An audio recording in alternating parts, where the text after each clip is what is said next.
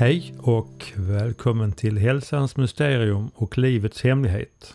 Jag heter Lars Nilsson och nu är det dags för avsnitt 29 som heter Lycka och inre lugn som är fortsättningen, alltså del 2 på avsnitt 28. Stora delar av vårt samhälle och kultur vill gärna få oss att tro att vi blir lyckliga av yttre objekt. Att följa det senaste modet, köra ett speciellt bilmärke, att äga någon speciell pryl eller att vara känd. Många vill visa den yttre fasaden på sociala medier för att framstå som lyckliga och lyckade. Många vill leva upp till andras förväntningar. Det blir lätt att det blir en slags tävling av att visa upp en lycklig och framgångsrik fasad. Vi lever med orimliga förväntningar och missuppfattningar om lycka. Jag tror att de flesta känner nog någonstans att sann lycka egentligen inte handlar om framgång, karriär, utseende, makt eller pengar. Men dras gärna med. Vårt samhälle och kultur har mer och mer kommit ur kurs.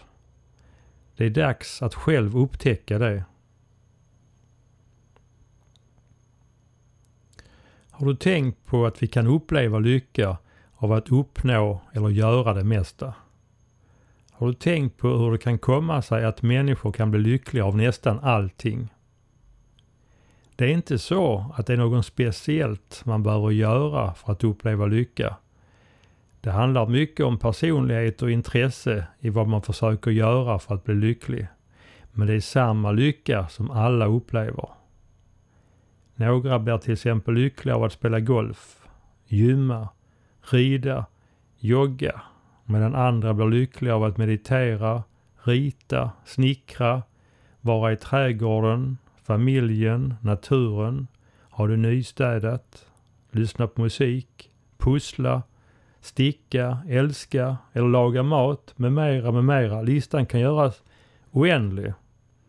Borde inte detta väcka ett ifrågasättande om lyckan egentligen ligger i det yttre och i själva görandet?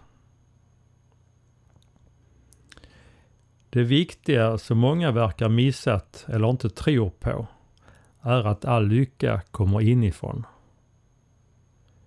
Vi behöver inte göra något för att vara lycklig. Det jag säger är inte att vi inte ska göra de saker som vi gör, utan jag säger att vi kan vara lyckliga ändå. Gör vad du vill, men var lycklig.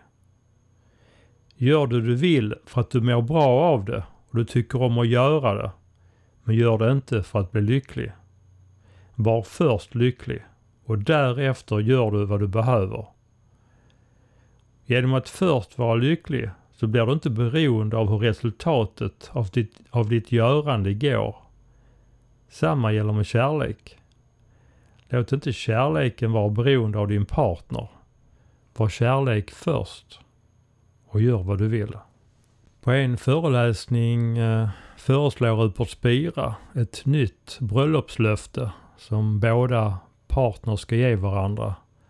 Och ett exempel på ett sånt eh, bröllopslöfte skulle kunna vara att båda parterna säger till varandra att jag älskar dig, men jag behöver dig inte. Du är fri att göra vad du vill. Du kan stanna hos mig en dag, ett år eller 50 år. Jag älskar dig och jag älskar din frihet. Jag respekterar din frihet och jag litar på att du respekterar min frihet. Min lycka beror inte på dig. Detta bröllopslöfte skulle enligt honom vara det mest älskvärda man kan säga till sin partner. Jag kommer ihåg en annan föreläsare som har sagt någonting liknande om att en bra inställning i en relation är att, att man ska kunna leva utan den andra partnern. Men man vill inte. Men hur blir man först lycklig? Ja, var dig själv och bli medveten. Anthony de Mello skriver i sin bok Bli medveten att när du går genom livet med medvetna val men inte låter din lycka bero på någon av dem, då är du vaken. I den här boken använder han sig av uttrycket att vakna för att bli medveten. Och enligt honom så betyder andlighet just uppvaknande. Han menar att de flesta människor är inte medvetna utan de sover. De flesta som sover vill inte bli väckta. De har det varmt och skönt i sängen och vill fortsätta sova, det vill säga vara omedvetna om sanningen. Hur är det med dig som lyssnar just nu? Vill du vakna och bli medveten? Eller vill du fortsätta sova? I samma bok av Anthony de Mello skriver han också att vägen till lycka är att finna sig själv och iaktta sig själv. Det finns i boken en berättelse om en lärjunge som gick till sin mästare och sa Ge mig ett visdomsord. Säg något som kan vägleda mig genom livet. Mästaren som hade en tyst dag skrev medvetenhet. När lärjungen läste det sa han Det är för luddigt. Kan du utveckla det lite? Då skrev mästaren medvetenhet, medvetenhet, medvetenhet. Lärjungen sade, ja men vad innebär det? Mästaren skrev slutligen medvetenhet, medvetenhet, medvetenhet innebär medvetenhet. Jag fortsätter att citera från denna stundtals väldigt tänkvärda bok. Det du är medveten om kan du kontrollera. Det du inte är medveten om kontrollerar dig. Lidandet är ett tecken på att du är utan kontakt med sanningen. När dina falska förväntningar krockar med verkligheten lider du. Om du frågar den medvetna människan om varför den är lycklig svarar de Varför inte? Lycka är vårt naturliga tillstånd.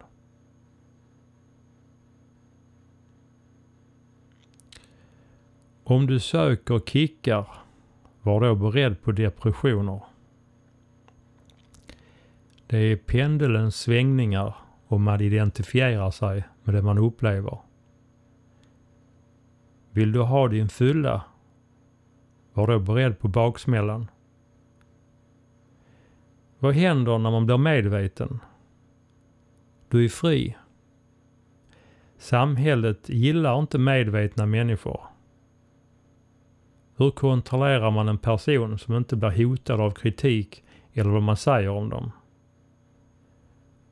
Om du tillåter att det känns bra när människor säger att du är okej, okay, då kommer du också att må dåligt när människor säger att du inte är okej. Okay. Ord, ord, ord. Tänk vad vi låter oss påverkas av ord och det vi läser och hör.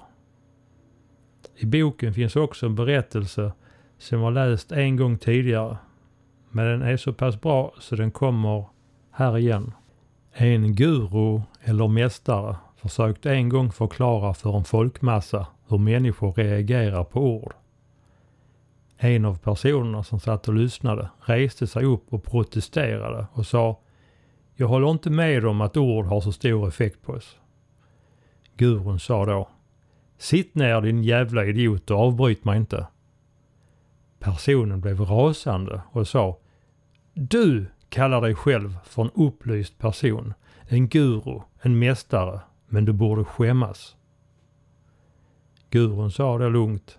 Förlåt mig. Jag tänkte mig inte för. Jag ber verkligen om ursäkt. Det var ett misstag. Jag beklagar. Personen lugnade till slut ner sig.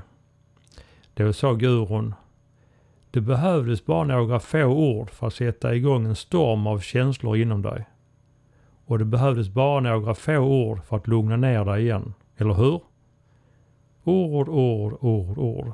Vad de hindrar om de inte används på rätt sätt. Så jag upprepar vad han skrev i sin bok igen, för det är rätt så tänkvärt och viktigt. Att det du är medveten om kan du kontrollera. Det du inte är medveten om kontrollerar dig. Om du söker kickar, var beredd på depressioner. Det är pendelns svängningar och man identifierar sig med det man upplever. Vill du ha din fylla, var beredd på baksmällan.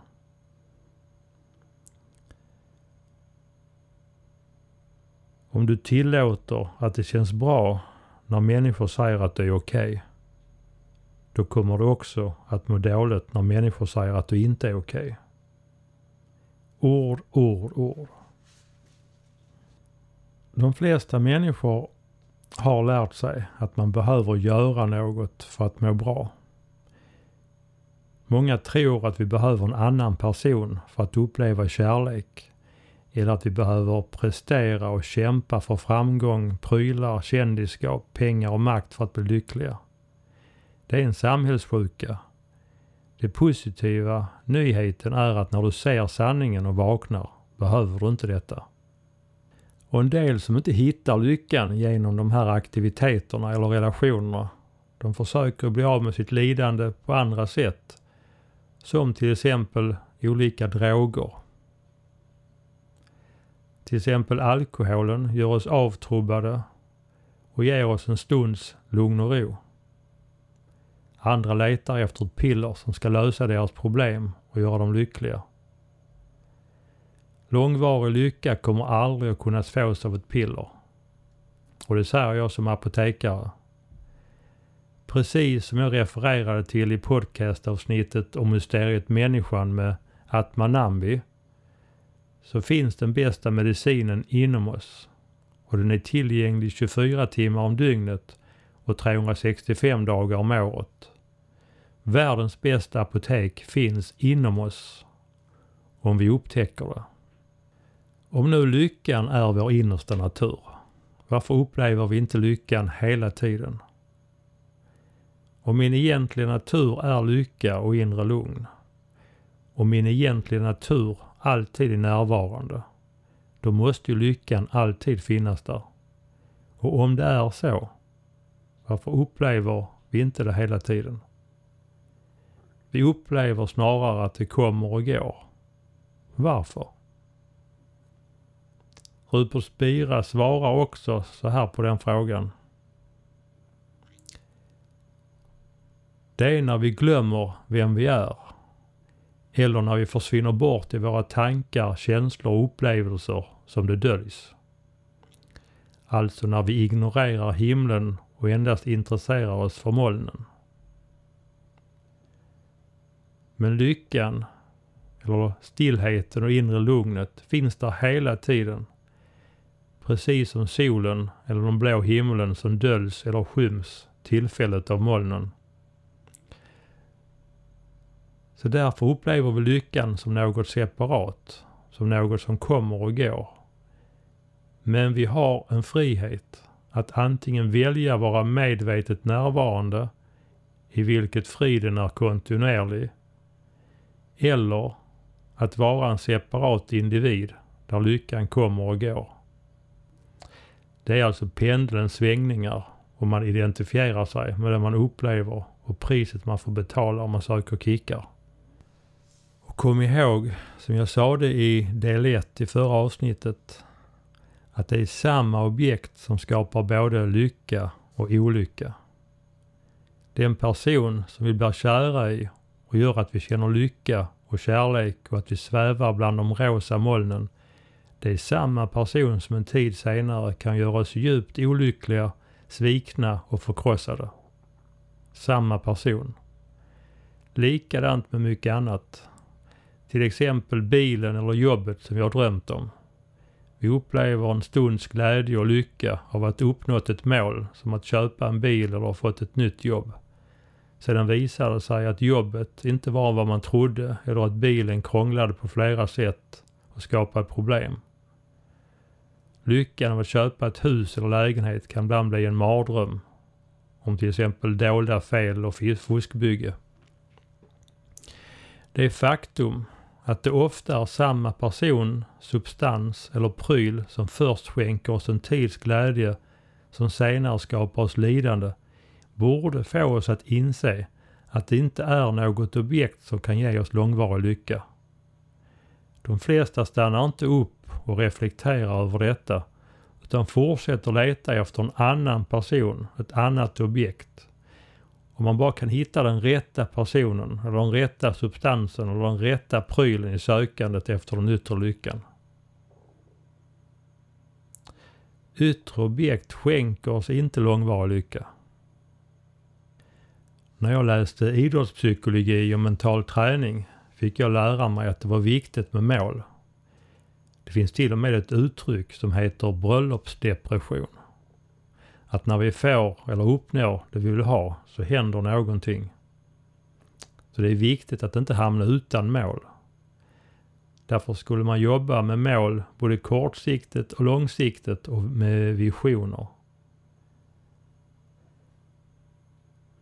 Vi kan uppleva en kort lycka av att uppnå ett mål, eller rättare sagt delmål. Och sedan behöver man snart ett nytt delmål och därefter ytterligare ett nytt delmål för att hela tiden sträva eller sikta mot något. Delmålen skulle ligga som pärlor längs ett pärlhalsband.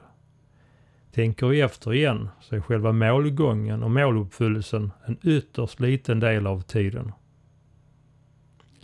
Det mesta av tiden använder vi för att nå målet Tänk vad sorgligt att bara få vara lycklig när man når målen och en kort stund efteråt. Tänk vad sorgligt att vara målberoende. Robert Broberg sjunger en av hans klassiska texter Målet är ingenting, vägen är allt. Det är vägen som är livet. Hemligheten och insikten är att ha sinnesro, lugn och lycka i vardagen med eller utan mål. Alltså först lycka, kärlek, sinnesro eller balans. Och detta var precis samma budskap som jag har när det gällde beteendeförändringar och bestående viktminskning. Först balans, sen beteendeförändring. Rupert Spira berättade på en föreläsning om när han en gång skulle ha hållit en kurs i Amsterdam. Han kom dit en dag tidigare för att träffa en vän och de, och de gick en lång promenad i staden. Först kom de till en plats där de såg hur ungdomar åkte en form av bungyjump fastspända inuti ett stort klot. De föll fritt fall mot marken för att fångas upp av två kraftiga gummiband några meter innan de slog i marken. Man kan säga att de utsatte sig så nära man kan för en kontrollerad dödsprocess för att framlocka ett rus eller en kick av inre lugn. Med en sådan extrem upplevelse tänker man inte. Man är i nuet. Man tvingas in i nuet. Eller sugs in i nuet. Och det man känner är en extrem kick av närvaro. Man känner sig fri under en kort stund när man är fullt närvarande och utan tankar. Det gick sedan förbi en kyrka där det hölls en mässa. Rupert insåg att de troende som gick på mässan gjorde det av samma anledning som ungdomarna som åkte bungyjump. De överlämnade sig till Gud. Vad de egentligen gjorde vid överlämnandet till Gud var att de släpper taget om allting de släpper taget om oro, bekymmer och rädsla för att känna Guds närvaro. Medvetandets inneboende lugn i vilket vi egentligen lever. Därefter gick de och satte sig på en uteservering och tog varsin öl. När han hade tagit några klunkar lade han märke till vilken effekt ölen hade på sinnet. Anledningen till att så många personer satt på uteserveringen och tog ett glas är att de första klunkarna gör att man får en avslappning av sinnet. Och då verkar inte problemen vara så stora längre. När sinnet slappnar av kommer lugnet som finns i bakgrunden fram och skiner. Så alla är engagerade i olika aktiviteter, men av samma anledning. På vägen tillbaka på sin runda så gick de igenom det som kallas det röda distriktet. Där några smala gator är kantade av nästan nakna kvinnor som satt och sålde sina kroppar i små skyltfönster. De såg kvinnor som lockade, män som smög omkring, män som gick in och draperier som stängdes. De såg allt detta. Männen går till dessa prostituerade för att få exakt samma upplevelse som de andra. Det finns en kort stund då de känner att de förlorar sig. Och i det ögonblicket då de förlorar sig försvinner deras oro och bekymmer. Och gissa vad? Medvetandets lugn skiner igenom. Sista stoppet blev en butik som sålde olika droger. Och igen, varför tar man droger? Det objektfokuserade sinnet slappnar av. Och gissa vad som då händer? Medvetandets lugn och lycka skiner. Alla aktiviteter som de såg när de gick runt genom staden var alla olika exempel på helt olika aktiviteter. Men alla personerna gjorde det av samma anledning. Att få uppleva kärlek, lugn, frid, stillhet och lycka. Så lugnet i bakgrunden är vårt sinnes väsentliga natur. Alla dessa exempel på aktiviteter får det ändliga, det begränsade sinnet att upphöra och ett igenkännande av sin egentliga själv. Alla dessa människor säger också ja till sina upplevelser. Så när vi upplever frid och lycka är det vårt sanna jag vårt medvetande som lyser. Många olika upplevelser kan få oss att känna medvetandets natur. Detta kan också vara en förklaring till varför många personer gillar extremsporter, där vi sätter oss själv frivilligt i en situation där vi konfronteras med vår rädsla för döden. Sinnet släpper taget för en stund och återvänder tillfället till sin källa. Rupert Spira menar också att meditation är exakt samma process, fast säkrare. Så alla aktiviteter som vi tror skapar stillhet eller lycka är i själva verket något vi gör för att stilla vårt sinne så att det vi är lyser igenom. Vissa aktiviteter som fångar hela vår uppmärksamhet leder oss in i nuet. Tänk själv vad som krävs vid till exempel bergsklättring, motorsporter, hästhoppning, störtlopp med mera. Då du behöver ha fullt fokus på vad du gör. En sekund av oskärpa kan göra att en bergsklättrare tappar fotfästet. Rallyföraren får sladd. Man tappar balansen på hästryggen eller man får ett felskär med skidorna i störtloppet. Allt med olyckliga konsekvenser. När vi måste skärpa våra sinnen där vi är fullt närvarande och det är detta som många vill uppleva och gör att man kan fastna för till exempel äventyrssporter. När jag insåg hur det hänger ihop så inser jag också att vi inte behöver göra något för att uppleva den vi är.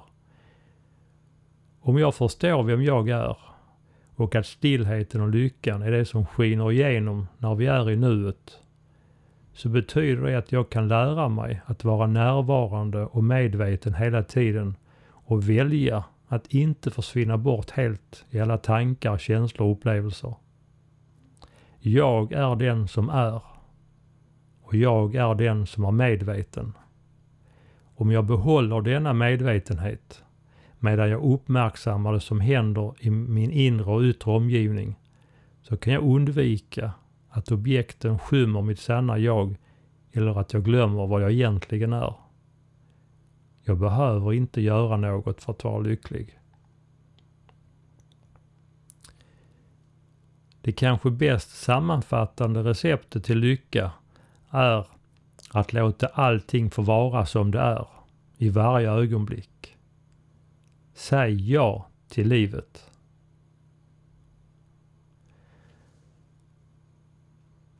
Rupert Spira eh, har ett eh, uttryck som heter Happiness is simply to allow everything to be exactly as it is from moment to moment. Alltså, lycka är helt enkelt att tillåta allting att vara precis som det är. Från ögonblick till ögonblick. Du har nu möjlighet att stötta mina podcast genom att köpa hela det här manuset till detta avsnittet. Alltså två avsnitt, avsnitt 28 och 29. Så kan du läsa det sakta i lugn och ro i din egen takt om du föredrar det. Det här manuset har sparat på en 11-sidig pdf-fil och kostar 100 kronor. Mer information finns på min hemsida amixe.se under podcast avsnitt 28. Även detta avsnittet avslutats med ett citat av Rupert Spira.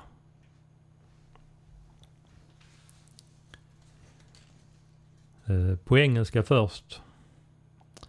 The discovery that peace, happiness and love are ever present within our own being and completely available at every moment of experience under all condition is the most important discovery that anyone can make. Som jag har översatt med den viktigaste upptäckten som någon kan göra är att upptäcka att sinnesro, lycka och kärlek finns tillgängligt inom oss. Och det är alltid tillgängligt under alla omständigheter. Några lästips är den här boken av Anton de Mello som heter Bli medveten om livets risker och möjligheter. Den engelska titeln var Awareness. Och jag kan varmt också rekommendera alla Rupert Spiras böcker som än så länge bara finns på engelska.